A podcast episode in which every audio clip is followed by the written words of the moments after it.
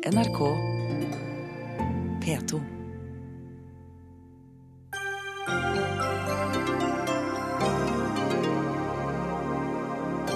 Om 14 år skal halvparten av CO2-utslippene våre være borte ved å bruke biodrivstoff. Er det malaysisk palmeolje som skal redde oss, spør vi Vegvesenet.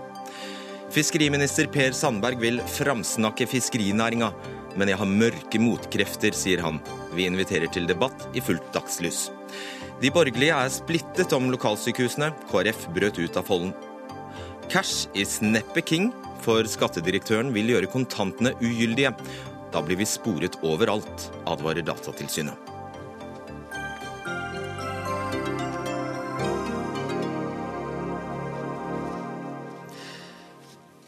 God ettermiddag og velkommen til Dagsnytt 18. Jeg heter Fredrik Solvang. Ja, transportsektoren i Norge skal halvere klimagassutslippene innen 2030 ved en gigantisk satsing på biodrivstoff. Mandag foreslo eh, Statens vegvesen, Avinor, Jernbaneverket og Kystverket å tidoble bruken av biodrivstoff i Norge. Men når markedet for biodiesel i dag nesten bare består av palmeoljeprodukter, hvordan skal de få dette til? Jan Fredrik Lund, sekretariatsleder for Nasjonal transportplan, ansatt i Statens vegvesen. Det er enorme volum av drivstoff dere vil erstatte eh, med biodrivstoff. Det selges som lag 8 milliarder liter drivstoff i Norge eh, nå, og dere vil at nesten to av disse skal erstattes av biodrivstoff. Hvordan skal du få det til? Ja, Vi mener at eh, biodrivstoff er en viktig del av det som skal til for å nå klimamålene som, som Norge har satt seg, og da spesielt innenfor transportområdet. Veldig viktig. Eh, jeg har også lyst til å si at Vi har samarbeidet tett med Miljødirektoratet i arbeidet som vi har gjort inn mot Nasjonal transportplan. Eh, og vi har gjennom den jobben som Miljødirektoratet har gjort, sett og ment at det er mulig å erstatte 1,7 milliarder. Ja, som jeg sa. Så hvordan skal du få det til? Det er også ifølge Miljødirektoratet eh, gjennom å bruke, bruke eh, bioressurser som finnes i Norge. Sånn De sier at eh, minst 80% av dette vil kunne tas ut fra norsk biomasse. Hva betyr det? Norsk biomasse? Det betyr at man må bruke avfall fra skog, avfall fra landbruk. Man må bruke annet avfall, sånn at man totalt sett kan få ut store mengder med biodrivstoff. Så ikke noe palmeolje, altså? Nei, og Vi har vært veldig tydelige i det vi har skrevet eh, i grunnlaget for Nasjonal transportplan eh, om at eh, det er en utfordring per i dag med palmeolje. Vi sier at vi legger til grunn at framtidig biodrivstoff skal være bærekraftig. Og det er ikke palmeolje? Nei, det må i hvert fall altså det, nå, nå, spør du jo litt sånn teknisk her, men, men, eh, men, eh, vi forholder oss til miljømyndighetenes krav eh, som ligger i forskrift eh, i fornybar, eh, altså som følger opp bærekraftprinsippene i for, fornybardirektivet, som ble implementert fra 1.1.2014. Og, og, og vi mener at det er det som må være utgangspunktet. Miljømyndighetene må bestemme hva som er bærekraftig, ikke transportmyndighetene. Ja, og Ifølge dem så er altså det palmeoljedrivstoffet vi nå kjører på helt eh, i tråd med EUs bærekraftskriterier, fordi de slipper unna det. Eh, hva er det eksakt du sikter til eh, Miljødirektoratet har sagt? De har levert en utredning som heter Lavutslippssamfunnet 2050. Det var et grunnlag som de leverte til sitt departement forut for Paris-forhandlingene. Der står det mye om hva som er potensialet både på biodrivstoff, på, på eldrift og på, på, hydrogen. Stemmer det at de anbefaler det du, dere nå går inn for? Jeg oppfatter at de sier at det er fullt mulig å, å, å få så store eh, ja, jeg mener i hvert fall at eh, de sier at det er fullt mulig å bruke så store mengder med biodrivstoff, eh, og at det skal kunne produseres bærekraftig. Sier denne rapporten noe om klimaeffekten hvis du bruker, hvis du avvirker så mye skog som du har lyst til, 15 millioner kubikkmeter? Ja, igjen så forholder jeg meg til miljømyndighetene. Jeg, ja, jeg spør om rapporten til Miljødirektoratet sier noe om miljø-klimaeffekten. Ja, jeg syns jo Miljødirektoratet egentlig er rette person til å svare. Du har jo lest den og viser til at den rapporten Ja, De mener at det er fullt mulig å, å, ja. å gjøre dette bærekraftig. Det finnes mye avfall der ute i skogen, og at det er positiv klimaeffekt. Det, det, mener du står i denne rapporten? Det mener jeg står i rapporten. Naturvernforbundet mener da at dette bare er tull. De sier at det er eh, kanskje mulig å ta ut 5-10% av dagens drivstofforbruk ved å erstatte det med biodrivstoff på norske ressurser. Ja, Vi snakker i et langsiktig perspektiv. Jeg vet ikke hva eh, Naturvernforbundet har gjort i denne sammenheng, men vi snakker om fram mot eh, år 2030. Jeg registrerer også at eh, Erik Lanstein har sagt at kanskje halvparten kan tas ut fra, fra skogen. Hvem er han? Han er fra, fra, fra skog, skogssiden. ja. Og han vet litt om, om, hva som finnes av ressurser i skogen. Han vil selge skog? Så sier forskere ved Cicero at uh, siden skog vokser så sakte, så kan det ta lengre tid for et skifte fra fossilt diesel til biodiesel. Uh, fordi uh, Kan det ta lengre tid før et skifte fra fossilt diesel til biodiesel fordi det gir en redusert, gir en redusert oppvarming? Fordi skog vokser så sakte, altså. Så vi snakker i et hundreårsperspektiv, f.eks.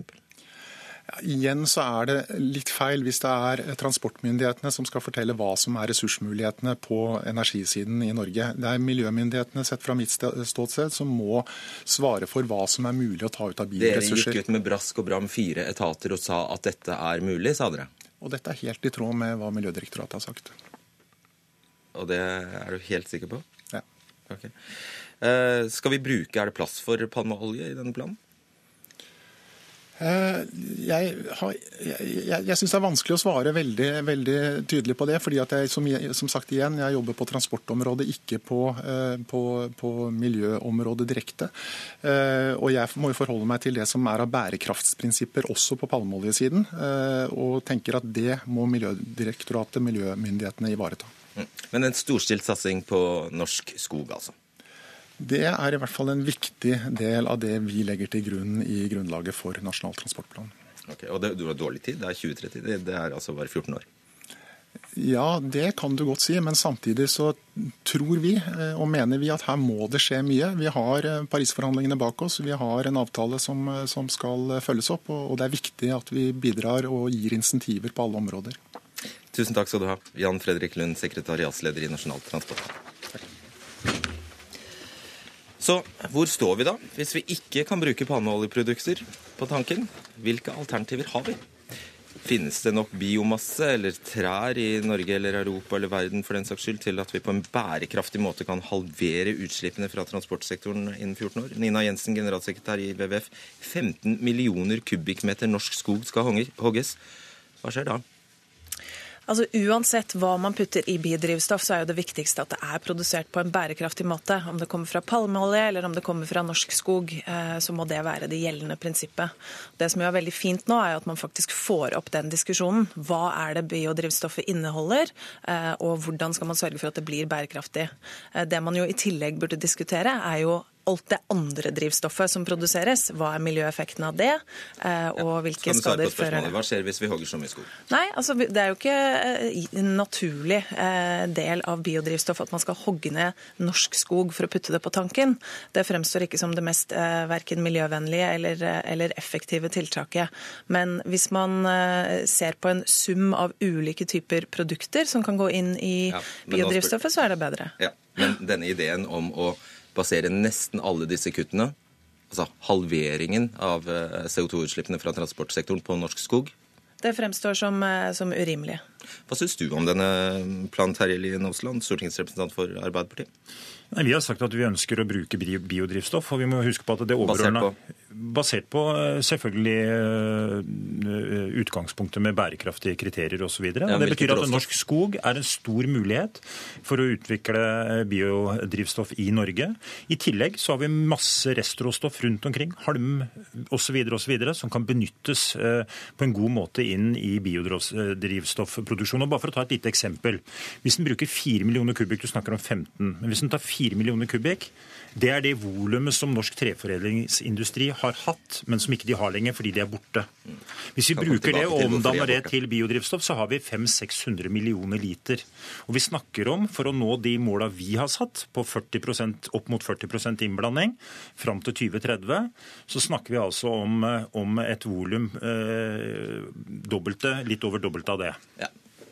Nei, altså, Jeg tror det er ekstremt viktig at vi ikke nå tror at vi skal løse problemene i eh, transportsektoren ved å hogge ned norsk skog og putte all skogen på tanken. Eh, det som er viktig, er at man faktisk produserer dette på en bærekraftig måte, som jeg sier, uansett om det kommer fra norsk skog eller fra andre produkter. Og Det viktigste er jo at det faktisk er restråstoffer som, eh, som brukes. og Det bør jo da komme både fra havbruk, fra fiskerinæringen, hvor mye går på havet i, i dag. Rest, eh, råstoff fra skogen, og også fra andre kilder. Svar superkort på det. Ja, jeg er ikke uenig med, med, Nina Jensen i det, men det er også en industriell mulighet som Norge ikke ligger i dag i forhold til å utnytte skogen til eh, fornybart drivstoff. Og så er det sånn Fornybart drivstoff vil også være i en overgangsfase inn mot nullutslippsteknologi, også i transportsektoren. Ja, nå sa du at biodrivstoff kommer til å være, over, være der i en overgangsfase. Det var det ja, det kommer til å være i en overgangsfase, for etter hvert så kommer nullutslippsteknologien til å dominere transportsektoren. Det er jeg helt overbevist om, uansett eh, transportkategori. Kanskje. Inger Lise Nesvik, generalsekretær i Norsk Petroleumsinstitutt. Er det mulig å komme utenom palmeolje i dag? I fjor høst så økte omsetningspåbudet. Eh, da må våre selskaper begynne å selge mer biodrivstoff. Det kan de gjøre enten ved å øke innblandingen av bioetanol i bensin, eller øke innblandingen av biodiesel i vanlig diesel. Eller så kan man selge HVO til eh, de som kjører lastebil, ja, det, eller har spesial... Eh, la oss prøve å unngå disse forkortelsene. HVO er altså en syntetisk diesel. Ja, Men det er der palmeolje særlig er et råstoff, ikke i de andre. Så svaret er er det mulig å unngå det? Ja, det, det, kan hende at det er mulig å unngå det på sikt. Nei, nå? I, ja, nå tror jeg det er veldig vanskelig. Men er, selskapene har ulike kundekategorier og løser det på ulik måte. Hvorfor er det nesten umulig å unngå? Fordi at eh, vi har et omsetningskrav vi skal oppfylle. Eh, det kan vi oppfylle ved å selge eh, vanlig bensin og vanlig diesel med en viss andel biokomponenter i. Vi har grenser for hvor mye vi kan branne inn fordi at bilene skal kunne bruke dette. Men for å oppfylle kravet så må vi selge litt til. Og da er det et spesialprodukt som går til de som kan bruke det. Men du kan vel bruke alt annet enn palmeolje? Du kan ikke bruke Altså, ja, men du, eh, du Norsk må, skog, f.eks.? Ja, men altså i dag Vi prøver å bruke de bærekraftige biokomponentene som er tilgjengelige i markedet. Så det er palmeolje som er tilgjengelig i markedet? det er det du sier? Ja, men ikke bare det. Nei, men da tvinger, er det noen som tvinger deg til å bruke det? Det er egentlig det jeg lurer på. Eh, vi, vi, har et omsetningspåbud, og det kan man jo oppfylle på mange ulike måter. Rett og slett. Ok, eh, Geir Voldsæter, du er spesialrådgiver i Fagforbundet Industri Energi, og dere organiserer arbeidere i eh, biodrivstoff, biodrivstoffproduksjonen på Mongstad, og du har jobbet med klimaeffekten av ulike tiltak. Hva er det største problemet med det vi har hørt de siste dagene om palmeolje på norske tanker? Altså, største problemet er at det tas vedtak. Eh, vårt forbund er ikke imot noe påbud om innblanding av fornybare. Men det tas vedtak som eh, påbyr innblanding uten at det tas konsekvensen av hva det medfører av indirekte konsekvenser. Og for våre medlemmer så har de opplevd en, en, en jojo-effekt her, helt fra 2009, med innføring av avgifter som eh, la ned fabrikken. Nå er de oppe og går igjen. Nå utkonkurreres de kanskje av palmeolje med høyere CO2-utslipp. Hva sa har... du nå? Hva sa du nå? Sa du at hvis du lager drivstoff basert på palmeolje, så blir utslippene høyere enn hvis du bare kjører på fossil diesel? Ja, det stemmer. Altså, det, det, den rekke studier, EU-kommisjonen sine egne studier, sier at palmeolje kan ha betydelig høyere utslipp enn f.eks. diesel i Europa. Henter du diesel fra Mongstad med norsk olje, så vet vi at CO2-utslippene fra den dieselen og den bensinen er lavere enn om du henter den fra Europa. Aasland, dette må du vel stanse ganske raskt? Altså, la meg understreke at bærekraftskriteriene som er satt Jo, men hør nå. Vi må, vi må ta det. Vi må nødt til å forholde oss til de. Eh, og de skal, og de gjelder ikke de dette drivstoffet. Det gjelder jo ikke for dette palmeoljestoffet, som vi har skjønt. Nei, det er, det er og når han da sier at klimagassutslippene blir verre av å bruke palmeolje ja, og vi ønsker jo ikke å bruke palmeolje i utgangspunktet i biodrivstoffet. Vi ønsker jo å bruke fornybare ressurser som er bærekraftige, og som er, tåler de bærekraftskriteriene som er satt. Men hun sier jo at det er jo ikke det som skjer. Nei, men Da må vi sørge for at vi setter veldig tydelige retningslinjer for hvordan den iblandinga skal, skal, foregå. Og så må det være sånn at hvis en får tilbakemeldinger da, og det er sånn Stortinget kan ikke gå inn i detaljer på hvert enkelt uh, spørsmål, da må det være sånn at uh, en må eventuelt se på kan en erstatte det som er problemet og utfordringene for, for iblandingsforhold, sånn at den får det bærekraftig og klarer å følge bærekraftskriteriene. Det er det som er utgangspunktet. Og det, bare for å ta, ja, nei, det, jo, det kommer til å komme også norsk fornybar uh, produksjon ja, av biodrivstoff relativt raskt. Alt, alt, det som leveres inn i markedet i dag, er bærekraftig og oppfyller bærekraftskriteriene. Eh, jo, og Vi må jo jobbe ved å forbedre bærekraftskriteriene. Det er jo den veien vi er nødt til å gå. Dette stoffet PFAD er ikke omfattet av bærekraftskriteriene. Nei, men Det er fordi det er klassifisert som et avfall. Ja, så ikke si at det, er, det oppfyller bærekraftskriteriene. Da. Det oppfyller i hvert fall norske myndigheters krav. Det ja, gjør det. Som, som, da medfører at det omgår bærekraftskriteriene. Men vi er på, jeg tenker vi er i en utvikling eh, Vi er i en utvikling hvor vi skal gå fra fossil til fornybar eh, transportsektor. Da trenger vi å gå stegene, og vi kan ikke ha morgendagens løsning klar eh, med en eneste gang. Vi er nødt til, det er en utvikling og en evolusjon. Ja. Hva sier du til det, det, du hører her, Nina Jensen? Nei, altså jeg tenker at det er, det er, mange gode poenger her, og det er en komplisert debatt. Det er veldig fort gjort å sammenligne epler og pærer i den samme diskusjonen. Det som må være viktig her, er at uansett hva som inngår i biodrivstoffet, så må det være produsert på en bærekraftig måte. Det må være sertifisert og sporbart, sånn at vi vet hva som går på tanken. For Hvis ikke så bidrar man jo bare til å skape nye problemer eh, fremfor å løse det man opprinnelig eh, satte seg fore å løse. Og så er, nok, eh, er man nok litt optimistisk hvis man tror at det er biodrivstoff alene som skal løse utfordringene i transportsektoren. Det vil være en liten del av løsningen, men den absolutt viktigste delen av løsningen i transporten vil jo være effektivisering, sånn at man trenger mindre transport og mindre drivstoff, som jo vil kutte utslippene mye bedre. Eh, og ikke minst at man kommer over på elektriske løsninger i eh, transportsektoren. Voldsæter, hva er alternativene? Altså, jeg tenker at denne debatten burde man ha hatt for ti år siden. Altså, I industrien, i EU-kommisjonen, i California så vedtok man da konkrete mål. Man gjorde den jobben man skal gjøre med å finne ut hva CO2-utslippet er fra vugge til grav. Det har man unngått i Norge. Og det fører til gang på gang på gang med negative indirekte konsekvenser for klima, sysselsetting og arbeidsplasser. Og den går til deg. Ja, vi er opptatt av å være forutsigbare, vi. I både de rammebetingelsene som, og de, de kriteriene vi fastsetter i forhold til det. Eh, og det er klart det er noen utfordringer, det er noen dilemmaer, eh, og de må vi ta tak i. Men Da har jeg lyst til å dra et kort resonnement for deg. Altså I 2009 så innførte Jens Stoltenberg den berømte biodieselavgiften, som vi, som vi alle husker. Det gjorde at mye av industrien som lagde trevirke, døde. Så innfører man i stedet et omsetningspåbud som starter på 2,5 I dag er det, nå, det oppe på 5,5 eh, Som har ført til at vi nå har fått palmeolje på tanken. Han har jo et stort poeng. Ja, og Derfor så sier jeg at vi må være veldig tydelige på de bærekraftskriteriene vi har satt, og vi må utvikle de kriteriene. Og vi må sørge også for at vi klarer å langsiktig bygge en biodrivstoffproduksjon som er bærekraftig.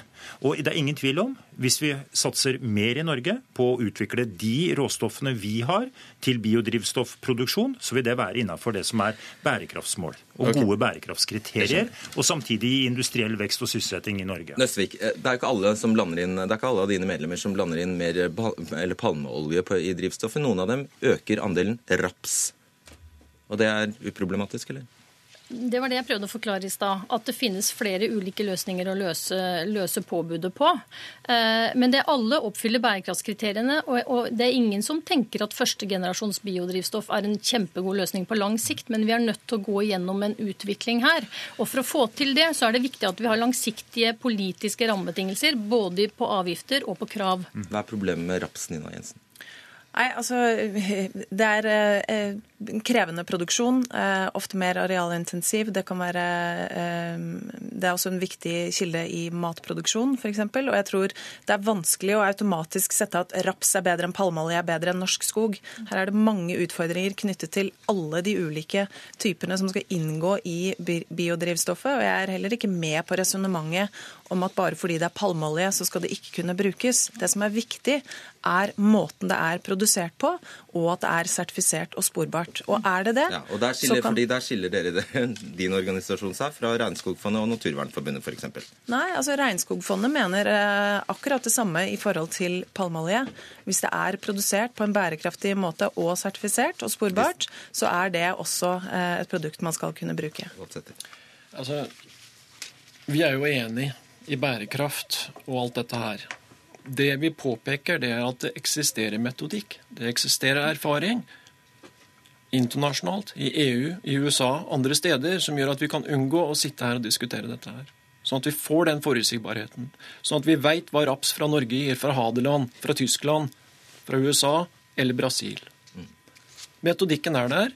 Hvorfor implementerer vi ikke for å få en større forutsigbarhet både i politikken og blant oss som er avhengig av det for sysselsetting og for inntekter? Ok. Åsland, hvilket hvilke altså denne planen, Den planen som ble lagt fram av transportetatene her forleden, den varte altså til 2030. og Da sier de faktisk at vi skal greie å halvere utslippene fra transportsektoren innen da. Jeg tror ikke vi klarer det basert på biodrivstoff, men det vil jo nå den videre behandlinga av disse planene eh, vise. og Jeg tror det kan også være veldig uforutsigbart og kanskje hefte med seg eh, noen dilemmaer som er krevende. Vi har sagt i vårt klimaforslag at vi ønsker å vurdere opp mot 40% innblanding av biodrivstoff fram mot 2030. Men samtidig så er det veldig viktig at vi er tydelige på avgiftsendringer osv. i tilknytning til nullutslippsteknologi i transportsektoren. Hva gjør du hvis det biodrivstoffet viser seg å være palmeoljebasert? Nei, jeg tror nok jeg deler Nina Jensen sin oppfatning. at vi skal ikke liksom være, altså Det er det, det som er innenfor bærekraftskriteriene, det som er skal vi si, god, altså ordentlig bruk, eh, bærekraftig, det er det vi kan eh, eventuelt legge vekt på. Men samtidig så syns jeg det er viktig å understreke at i Norge, basert på norske ressurser, så har vi et forholdsvis stort potensial til å utvikle både en forutsigbar, bærekraftig biodrivstoffproduksjon. Og det, har, det potensialet er ikke utløst. Og spørsmålet er er det fornuftig i en sammenheng hvor en må ha mer biodrivstoff inn i markedet. Og jeg mener bestemt at det er fornuftig å utvikle også industrielle verdikjeder på det i Norge. Takk skal dere ha. Inger Lise Nøstvik, Terje Lien Aasland, Geir Voldsæter og Nina Jensen.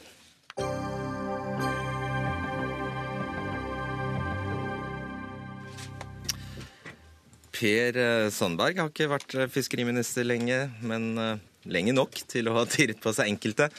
Og Noen av dem har skrevet et innlegg i Aftenposten denne uka. Og Her kan vi lese at Sandberg ikke har satt seg inn i hva en statsråds rolle innebærer, og at han forfekter kjente synspunkter fra totalitære regimer.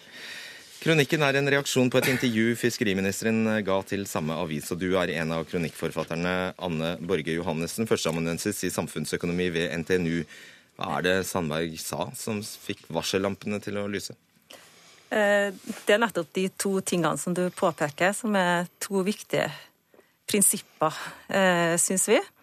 Eh, det første er at vi tolker Sandberg sine uttalelser som et angrep på fagfolk som utøver uavhengig forskning ved universitetene. Ja, Da må du nesten si hva han har sagt. Altså det den omtalen, altså Han om, omtaler bl.a. forskere ved universiteter som, som eh, motkrefter eh, til oppdrettsnæringa, f.eks. Og, og, så det er en sånn generell omtale, men den er, er ganske alvorlig.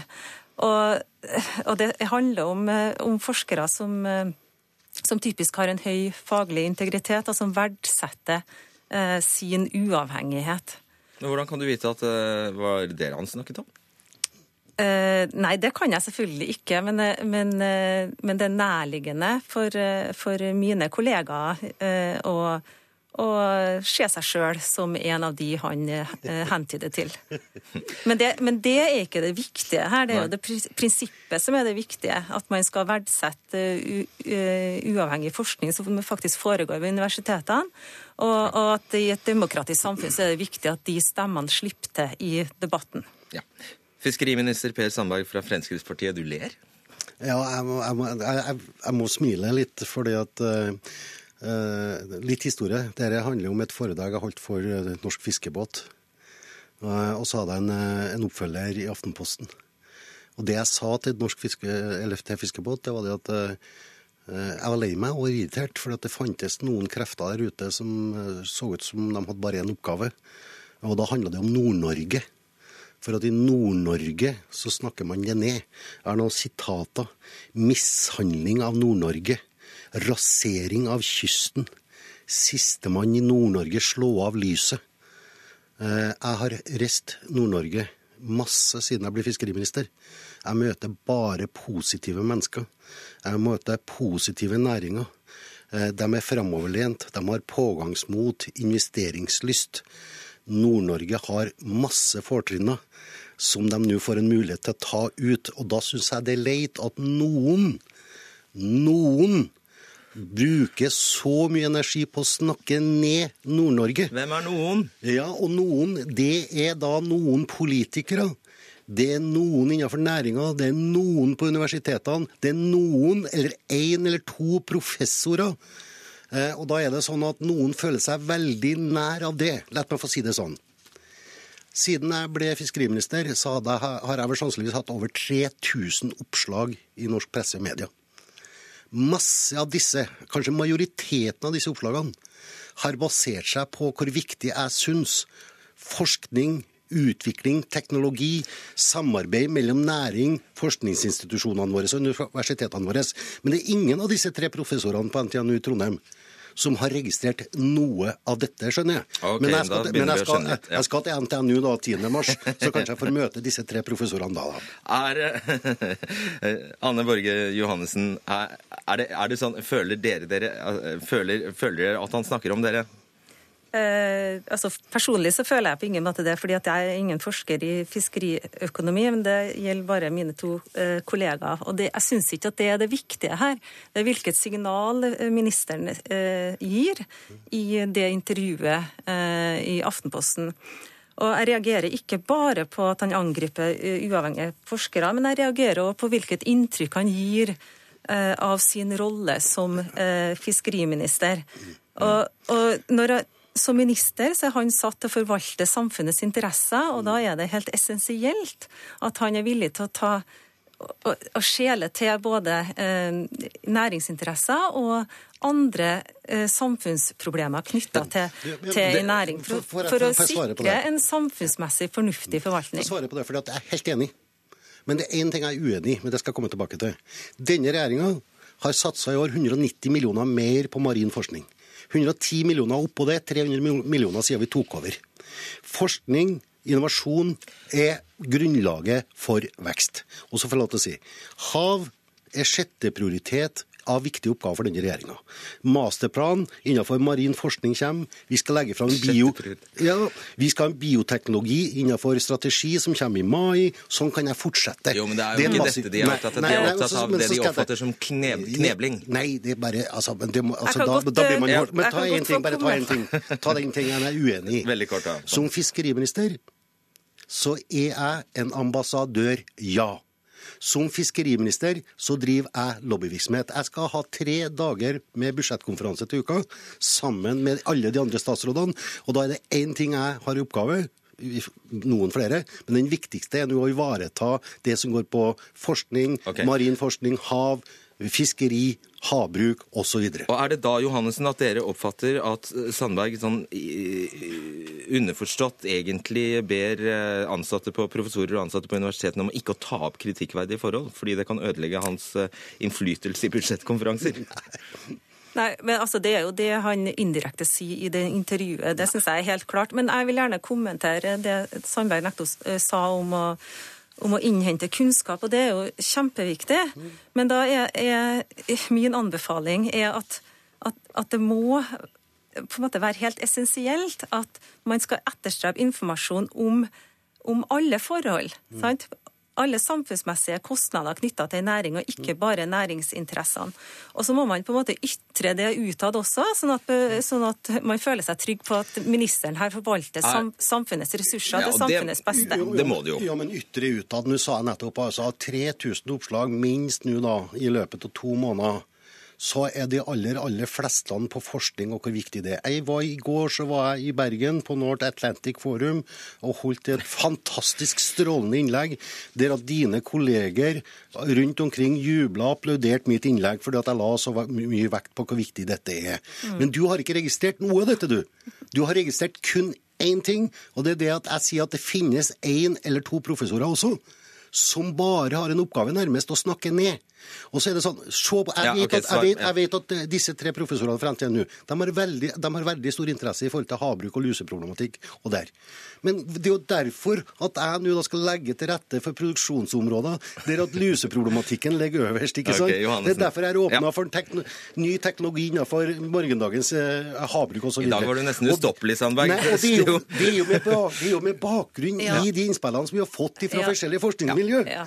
Det, jo, jeg, vet du, det, det er veldig, veldig bra, det. Og da vil, Hvorfor kan du gå ut og skryte av meg når jeg ja, sier noe bra? det vil du nok at jeg skal gjøre.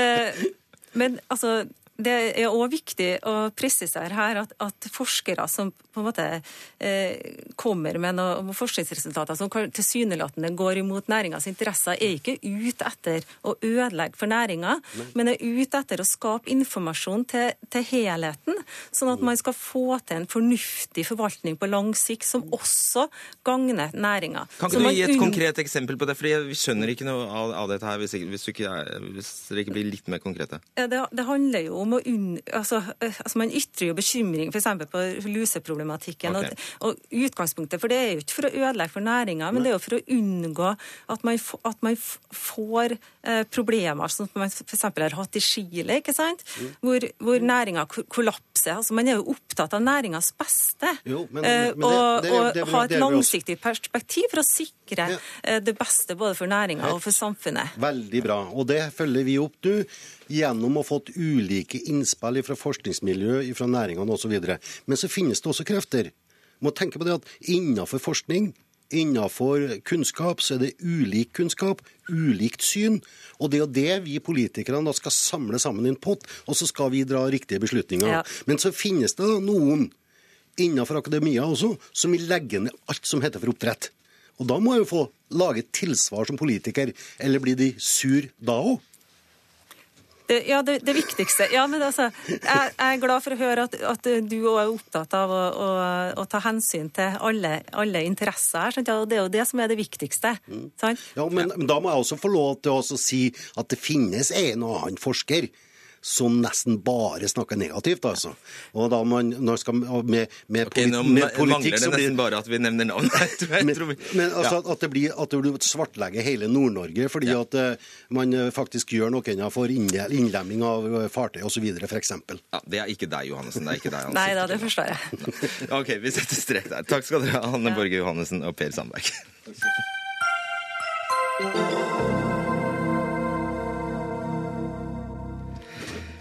Nå til striden om akuttilbudene på landets lokalsykehus. For eh, avtalen som Høyre, Fremskrittspartiet og Venstre la fram i Stortinget i dag, har møtt sterk kritikk både fra samarbeidspartiet Kristelig Folkeparti, opposisjonspartiene og lokalsykehus. KrF kan ikke støtte en plan som kan frata de mindre sykehusene akuttkirurgien de har i dag. Det er ikke forsvarlig, sier du, Olaug Bollestad, nestleder og helsepolitisk talsperson i KrF.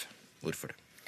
Fordi vi mener at akuttkirurgi er bunnplanken for en god tjeneste i distriktene.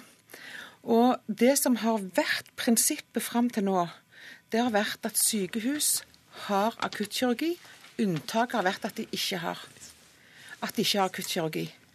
Eh, det prinsippet vedtar Stortinget sitt flertall i dag, eh, ikke gjelder lenger. Nå er det foretakene, helseforetakene, som skal bestemme om akuttkirurgien skal være der. De sier ikke han skal være der, men han kan være der, sier de. Og det blir en usikkerhet for de som har følt seg utrydningstrua. Så du har brutt ut av det gode selskap fordi det ikke står 'skal'? Ja. Så enkelt er det. Kristin Ørmen Johnsen, saksordfører og sykehuspolitisk talskvinne for eh, Høyre. Hvorfor står det ikke 'skal'? Det står faktisk eh, et punkt som heter 'skal' i eh, den avtalen, som jeg må få si at jeg er stolt av at vi fått til med Venstre og Fremskrittspartiet. Og så vil jeg si at vi har hatt veldig god dialog med KrF underveis, men de har da ønsket å spisse den enda mer. Det vi sier, det er jo det at eh, de sykehus som i dag har akuttkirurgi, skal fortsatt ha det dersom eh, de har kvalitet og at pasientsikkerheten kan ivaretas. Hvem skal bestemme til slutt? Det skal foretaket bestemme, men Stortinget gir jo ganske sterke føring. Hvilket, Hvilket nivå? Nei, eh, sånn som styringen er i dag, så går jo styringssignalene fra helseministeren til det regionale nivået. Lager, eh, han lager et oppdragsdokument til det. Og de går videre til helseforetakene, som igjen da eh, skal gi dette til de enkelte sykehus. Så det er en styringslinje, men det som er viktig, det er at når denne avtalen er vedtatt, så vil det bli nye styringssignaler fra helseministeren, nettopp fordi at vi i denne avtalen løfter opp de små sykehusene. Hmm. Nå mistenker jeg deg for å bevisst snakke vanskelig, sånn at færrest mulig forstår. Men du stilte et uh, veldig, veldig teknisk eller, spørsmål. Nei, ja, det jeg bare ville vite, var om dette skal avgjøres på regionalt nivå, eller helt om det enkelte sykehus skal kunne velge selv om de skal ha akuttkirurgi. Det, det var, var sånn du spurte, ja. Nei, det vil uh, vedtas i uh, på både det regionale nivået skal være inne i det, og ikke minst foretaksnivået skal være inne i det. Men Kommunene rundt det enkelte sykehus skal høres når man skal jobbe ut disse planene. Så Det er utrolig viktig. Og Når ble du imot at slike avgjørelser skulle tas lengst mulig unna der de skjer? Det jeg, var jeg uenig med i går kveld. Jeg sa det kan ikke vi være med på. Ja, Men når ble du for at avgjørelsen skulle tas lengst mulig unna der eh, det faktisk skjer? Altså lengst mulig unna sykehus? Nei, KrF har alltid vært imot de regionale helseforetakene som sådan. Så det er, vårt utgangspunkt i dette. Vi ønsker at sykehuset skal ha en beredskap i bånn. Så betyr ikke det at alt, alle skal kunne gjøre store traumer overalt. Men det betyr å kunne hjelpe pasienter pasienter der de er.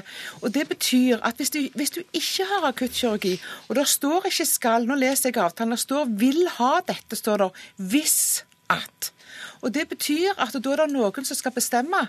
Vil ha det hvis at. Ja, Det var det jeg prøvde å finne ut hvem. Ja, og Det betyr at da er det noen andre som skal bestemme om det er godt nok, det tilbudet som er på sykehuset, om kvaliteten er god nok, eller om vi skal legge det ned. Og for pasientene, det som er viktigst for pasientene, det er faktisk å få hjelp hvis de trenger det, når de trenger det. Mener du det skal være akuttmottak på alle disse lokalsykehusene? Jeg mener det skal være akuttkirurgi som er i stand til å stabilisere og behandle. Hvis veien er stengt, hvis flyet ikke kan lande, så kan vi ikke bare ha noen som blir stabilisert, vi må kunne hjelpe dem der og da. Det er poenget mitt. Tror du han som sitter ved siden av deg, er enig i det?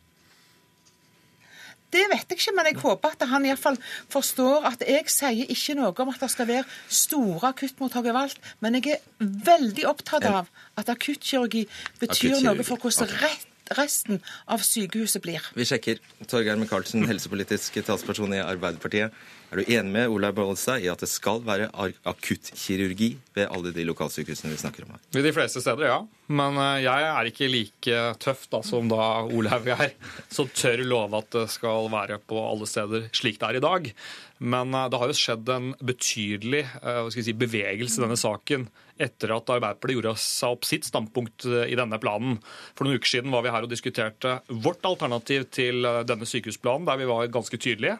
Og kanskje så tydelig at Høyre fikk litt eh, hetta, for å si det rett ut. Fordi den planen som nå er lagt fram, med den avtalen som ligger til grunn, er jo veldig langt unna det eh, Bent Høie eh, la fram i november. Og det er, er det så langt unna at du faktisk kunne vært med på den? Ja, altså jeg bare registrerer at mange av forslagene her er jo sterkt inspirert av det vi har eh, foreslått. De har lagt vekk denne skrivebordsregelen til Bent Høie. De har lagt vekk disse navngitte sykehusene som sto på en slags svarteliste. Og de er i hele tatt mer konstruktive nå. Derfor er det jo litt pussig at vi er nå i en situasjon hvor det egentlig er et breit flertall i Stortinget for å etablere en nasjonal helse- og sykehusplan, mm. men den får kanskje bare et par stemmers overvekt når saken skal til Stortinget. Ja, hvorfor stemmer du nei?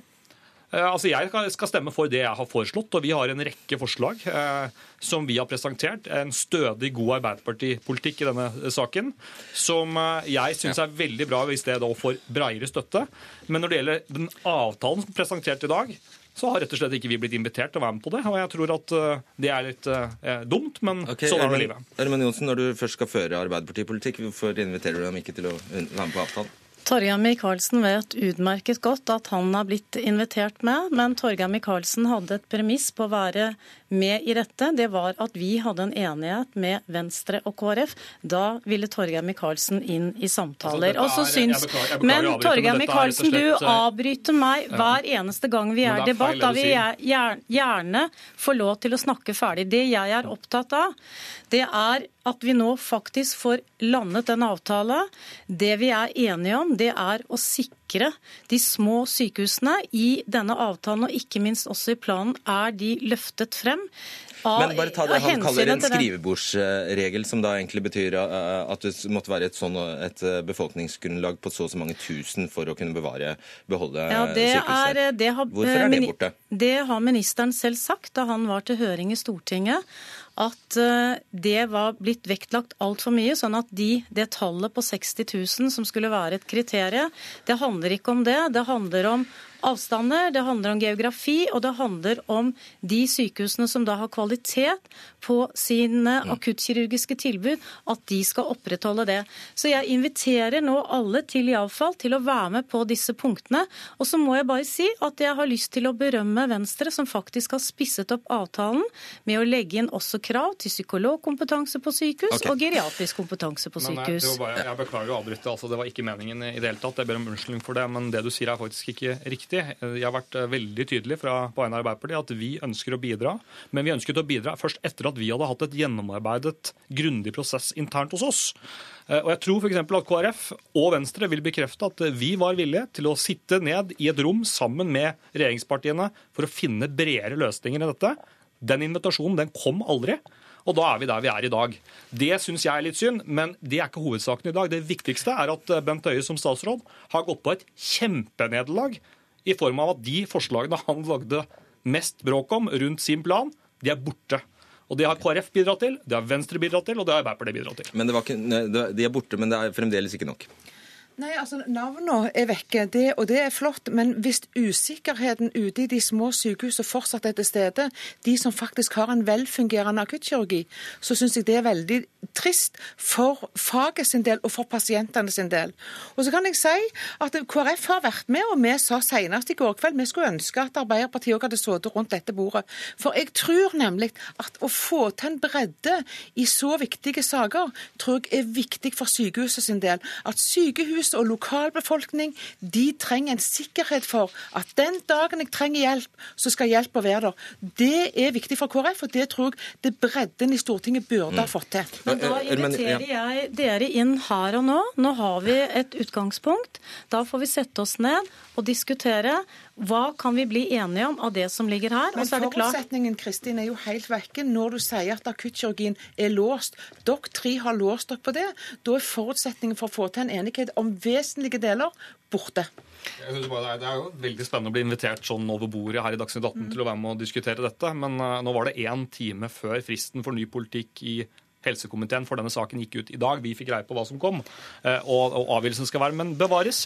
Hvis det er vilje til å, eh, til å, bli med, så skal okay. Jeg har faktisk gitt deg et skriftlig innspill på hvordan vi kunne tenke oss det. Sånn du mener det, den, den, den, på tre setninger som jeg fikk for tre ja, uker siden? Ja, Den er ganske betydningsfull. Men det er liksom litt sånn Er det spillet, er det prosessen, eller er det faktisk kvaliteten på tilbudet til pasientene vi må diskutere? Men Ørmen Johnsen, altså Folkebevegelsen for lokalsykehusene sier til NTB i dag at de er skuffet over uklarhet i avtalen, vage formuleringer og gode ønsker. Ja, og da må jeg si til det at det har de jo i sin fulle rett å være. Det, men jeg mener at aldri har vel i en eh, avtale eller en helseplan løftet frem de små sykehusene i Norge som dette har gjort. Vi har sagt krav til at de skal ha akuttmedisinsk kompetanse, de skal ha eh, flere tilbud enn det de har i dag. Og vi har faktisk inne en setning om at økonomien til de små sykehusene skal sikres slik at de kan utvikle seg eh, videre. Er du mest enig med samarbeidspartiet ditt eller med folkebevegelsen? Jeg er nok mest enig med folkebevegelsen. For det nytter ikke bare å si at vi har lufta de små sykehusene, hvis vi ikke sikrer at de har gode nok tilbud som gjør at vi sikrer beredskapen i hele landet vårt. Da er ikke det tydelig nok, og det vil KrF ivareta. Veldig kort. Jeg bare tror at på vegne av Arbeiderpartiet så kan jeg si at lokalsykehusene har alltid stått veldig sterkt i Norge, også hos oss. Men jeg tror at gjennom den prosessen der regjeringen foreslo ganske friske forslag som gikk i motsatt retning etter mange syn, at vi nå er i en situasjon hvor de fleste partier har fått et uh, varmere forhold til de minste sykehusene. og Det skal også denne avtalen ha honnør for. Det er bra. Men det er fordi man har gått vekk fra det man foreslo. Og det er jo kanskje litt dumt at vi har vært uh, gjennom tre måneder med ting som kanskje vi kunne unngått. Jeg tenker at uh, vi har fortsatt litt tid i komiteen. Vi skal avgi innstillingen 10.3, og det er muligheter til at vi kan bli enige om bredde. Vi er jo bl.a. enige om ledelse og hvordan det skal utøves. Vi får se. Olaug Bollestad, Kristin Ørmen Johnsen og Torgeir Micaelsen. Hør Dagsnytt 18 når du vil. Radio NRK Radio.nrk.no. Begrepet 'cash is king' er kanskje i ferd med å bli ugyldig, for butikker og bedrifter i Norge bør kunne nekte å ta imot betaling i kontanter, mener skattedirektør Hans Christian Holte. Og det får deg til å reagere, Kim Ellersen. Du er juridisk direktør i Datatilsynet. Hva er så problematisk med at vi eh, bruker kortet? Det å bruke kort er ikke problematisk i seg selv. Hovedproblemet som jeg eh, ser det, er at vi ikke kan velge lenger. Altså Valgfriheten vår blir stadig innskrenket av offentligrettslige reguleringer og plikter og forbud. Og, og, og det til sammen gjør noe med det andre som vi i Datatilsynet er gjen, godt over gjennomsnittet opptatt over. Ja, fordi Har det blitt Datatilsynets oppgave å sørge for valgfrihet i samfunnet? Ja, jeg syns jo det. At selvbestemmelse når det gjelder hvem som vet hva om deg, er ganske essensielt for personvernet. Så vi, er, vi bekymrer oss over det. Det er personvernet som er ditt hovedanliggende? Ja. Og da handler det om at med kortbruk så blir jo alt du gjør, blir sporet. Ja, sporet og lagret over ganske lang tid. Mm. Så enkelt? Altså Enkelt er jo, Dette bildet er fullt av, fullt av nyanser, selvfølgelig. Men, men det å, å, frata folk valgfriheten og stadig legge elektroniske spor til byrden, det forsøker vi i hvert fall å, å mane til, om ikke kamp mot, så i hvert fall refleksjon over. Ja. Hans Christian Holte. Hans Christian Holte, skattedirektør. Eh, du mener at man skal endevende prinsippet her eh, og si at eh, man bør kunne betale elektronisk overalt. Er det sånn å forstå? Ja, det er i grunnen Nå er valgfrihet litt av utgangspunktet for debatten her. og jeg vil jo si at Noe av den valgfriheten vi savner, det er også at virksomheter i bransjer som sliter med den svarte økonomien, at de også skal kunne velge å si for å få bukt med dette, så vil vi kunne bruke elektronisk betaling. Eh, for det vi vet, eh, er at cash is king fortsatt i den svarte økonomien. Der er det virkelig et eh, problem at de kontantene som veksler hender, de setter ikke spor. Så jeg skjønner jo godt Datatilsynets utgangspunkt her. Eh, når det gjelder problematiske sider ved sporbarhet. Men det er også noen fordeler når vi skal få bukt med alvorlig kriminalitet. Du skjønner det, men du bryr deg ikke? Jeg bryr meg ut fra mitt eh, samfunnsoppdrag, og det er å også bidra til at vi har en, en, hvit økonomi og ikke en svart økonomi i Norge. Og Sånn sett så er faktisk dette med kontanthandel et eh, ganske stor del av problemet. Og da er vel ikke Datatilsynets interesse at vi har en svær svart økonomi heller? Det er vel ingen samfunnsinteresse å ha en stor svart økonomi. Vi, vi er eh, måtelig skeptiske til om, om, tiltaket vil virke.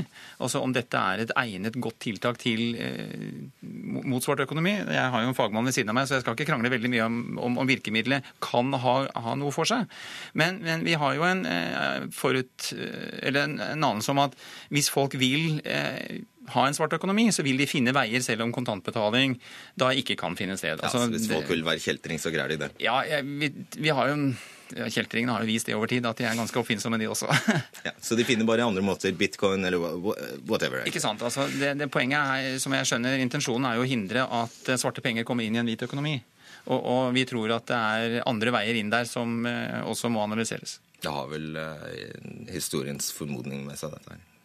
Det er nok sånn at eh, Det å få bukt med svartøkonomien det, det gjøres ikke med trylleslag. Det gjøres heller ikke ved å fjerne kontantene. Så Der tror jeg vi er helt enige. Eh, men vi tror, eh, vi tror allikevel at dette er et kraftfullt virkemiddel for å faktisk å komme vesentlig lenger. Det vi ser ja, Men det er så drastisk. Ja, det, det, å gi en bedrift muligheten til å ikke ikke ta imot kontantbetaling. Man kan vurdere hvor drastisk det er når det er drøyt 5% av omsetningen i Norge i dag som faktisk er eh, i kontanter. Eh, og så er det sånn at Mange av disse bransjene som er plaget med svart økonomi, de ønsker dette tiltaket velkommen. Det er i bygg- og anleggsbransjen, det er i, i restaurant- og serveringsbransjen, det er i reiselivsnæringen. Sånn at Det er en rekke bransjer som også ser at dette kan være et, et kraftfullt virkemiddel. og Det syns jeg også vi skal høre på. Er det noen andre land som har gjort det? Det er, eh, der er jeg ikke sikker på om noen har gått eh, hele veien til å på en måte si at de kun skal ha elektronisk betaling.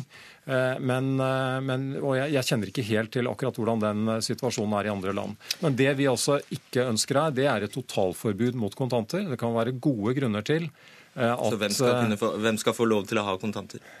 Ja, altså Det kan være ulike situasjoner hvor man, eh, hvor man, kan eh, bedrive kontanthandel. Vi vet at det er eh, f.eks. En, en eldre del av befolkningen som kanskje ikke er veldig godt kjent med elektronisk betaling. Så i mange sammenhenger så vil det kunne være en, en løsning. Men så hver gang er... du vil betale med kontanter, må du vise legitimasjon? eller? Hvordan skal nei, det fungere? Nei, det er for så vidt ikke sånn. Men, men altså det vi tror, det er at hvis vi ser på noen av de problembransjene, så tror jeg det går an å finne ordninger hvor de faktisk kan kreve kreve eh, elektronisk betaling. Og jeg syns vi skal la de få lov til å bruke det virkemidlet som vi faktisk har tro på. De eldre skal unntas. Eh, Ellersen, har du rent mel i posen, så er det vel ikke noe problem å bli sporet? Det er jo det argumentet vi møter ganske ofte. Eh, men kontraspørsmålet er hvorfor skal jeg spores hvis jeg har rent mel i posen? Altså det blir jo at man, eh, Hvis man tenker sporingsteknologi, så sporer man absolutt alle for å ta de få. Det er jo denne proporsjonalitetsvurderingen som datalagringsdirektivet f.eks. døde på. At inngrepet er så stort og gjelder så mange som har rent mel i posen. Jeg har skjønt at du mener at datalagringsdirektivet blekner i forhold til dette? Ja, nei, det var vel kanskje Akkurat den er tatt ut av konteksten. Jeg laget vel et bilde hvor, hvor, hvor, kontantene var helt borte, og at vi ble sporet uansett hva vi gjorde. Og da sa jeg at eh, hvis det skjer, så vil jo de mengden elektroniske spor bli så stor at det eneste vi mangler for å ha et totalitært regime, var datalagringsdirektivet på toppen. Det var, var noe sånt at den, sånn, den ble tatt litt ut av proporsjoner, den. Men bare eh, til en kommentar med problembransjene. Eh, hvis du ser dette med personvernbriller, så er jo nemlig restaurant og reiseliv det er jo når vi er på restaurant og når vi er på ferie, så vil vi jo kanskje da gjerne bestemme for hvor mye spor skal vi legge igjen. Så her er jo man, man ganske nærme de tingene hvor man bør ha et valg om man vil bli sporbar eller ikke. Ja, si det, altså Du skal unnta eldre, men vil du unnta turister? Vil du unnta barn? Hva skal de gjøre? Skal de små barn? Altså, jeg tror noe av utgangspunktet som, som, eh, som jeg syns kan diskuteres her altså For det første så er det mange hensyn, og dette må bli en avveining. Jeg ønsker at vi tar den debatten, fordi eh, vi tror faktisk at kontanthandel er en del av problemet når det gjelder svart økonomi. Eh, og så tror jeg kanskje at den, den forutsetningen om at eh, det å bruke kort gjør at noen sporer oss, eh, overvåker oss, følger oss. Den kan også utfordres. Altså Det ligger risiko her, som Datatilsynet peker på, men det ligger også muligheter for å, å håndtere denne typen elektroniske betalingsmidler som, som reduserer eh, f.eks. Den, type, den type mekanismer. Men, det. Altså, for, men det er jo interessant hvem som skal kunne få unntak. Hva, hva med et barn på seks år? Nei, altså den, jeg ikke, sitter ikke her og har på en måte et ferdig modell for hvordan, hvordan akkurat den biten er. Men, men, det som vi peker på, det er at nå er det et system som favoriserer kontanthandel. Det er et påbud om kontanthandel, at du skal kunne ta imot kontanter. Det er ikke det tilsvarende for elektroniske løsninger.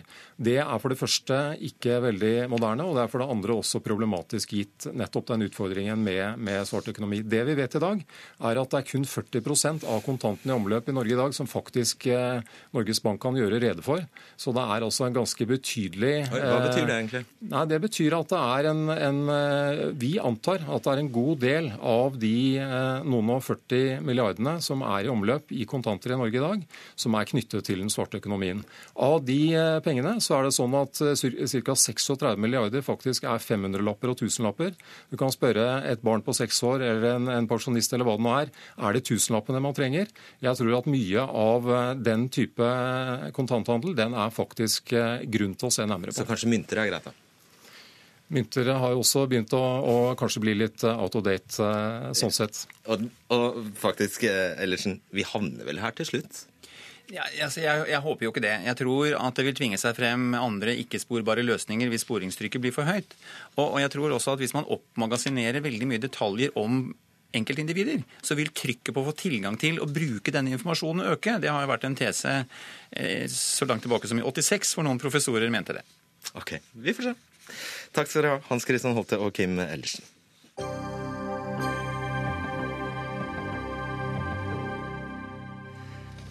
Angrep på sykehus er blitt en del av en militær strategi. Det skriver Morten Rostrup i Leger uten grenser i en kronikk i VG i dag.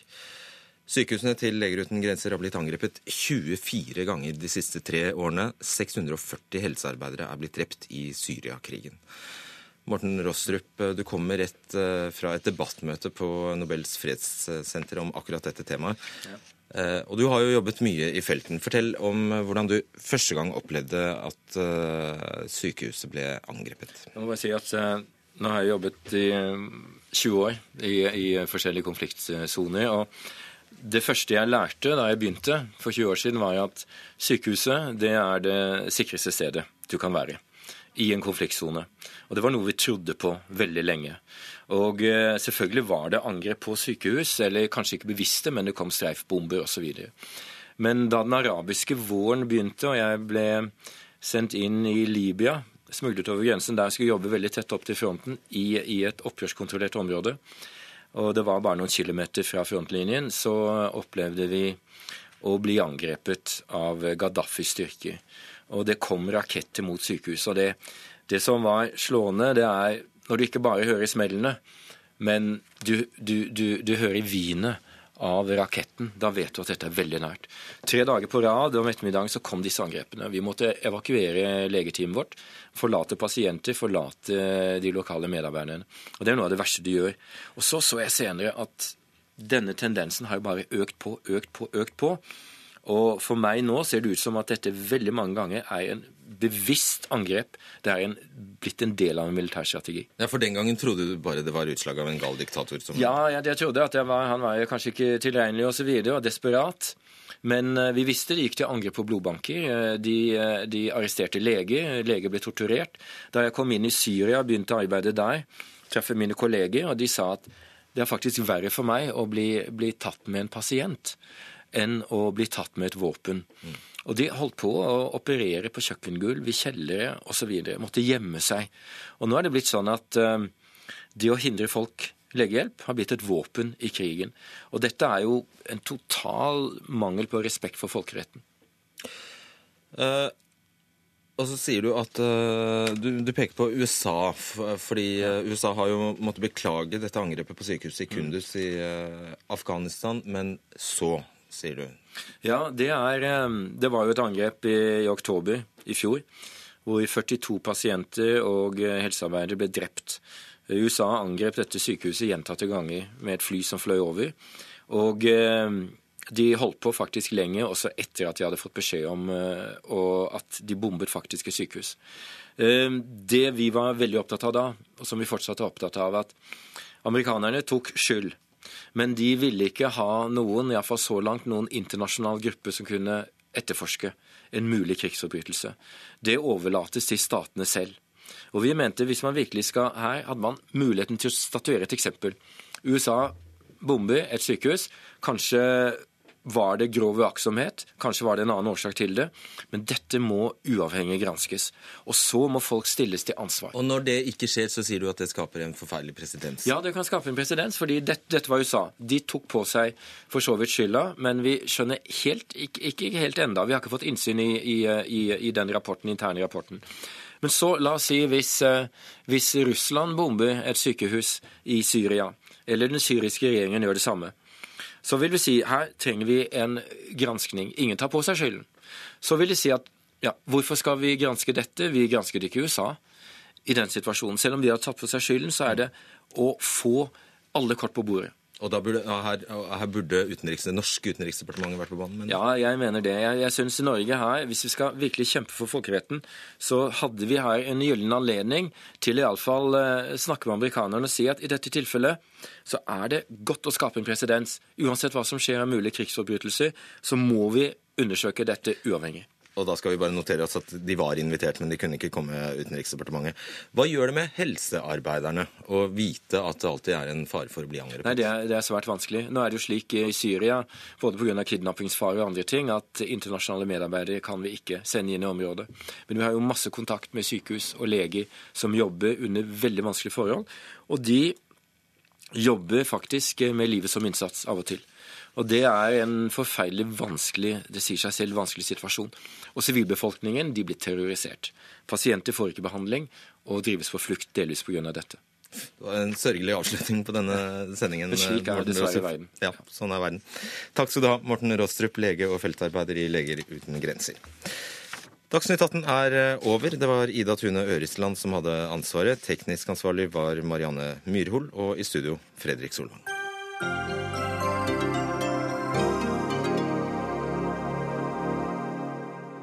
Hør flere podkaster på nrk.no podkast.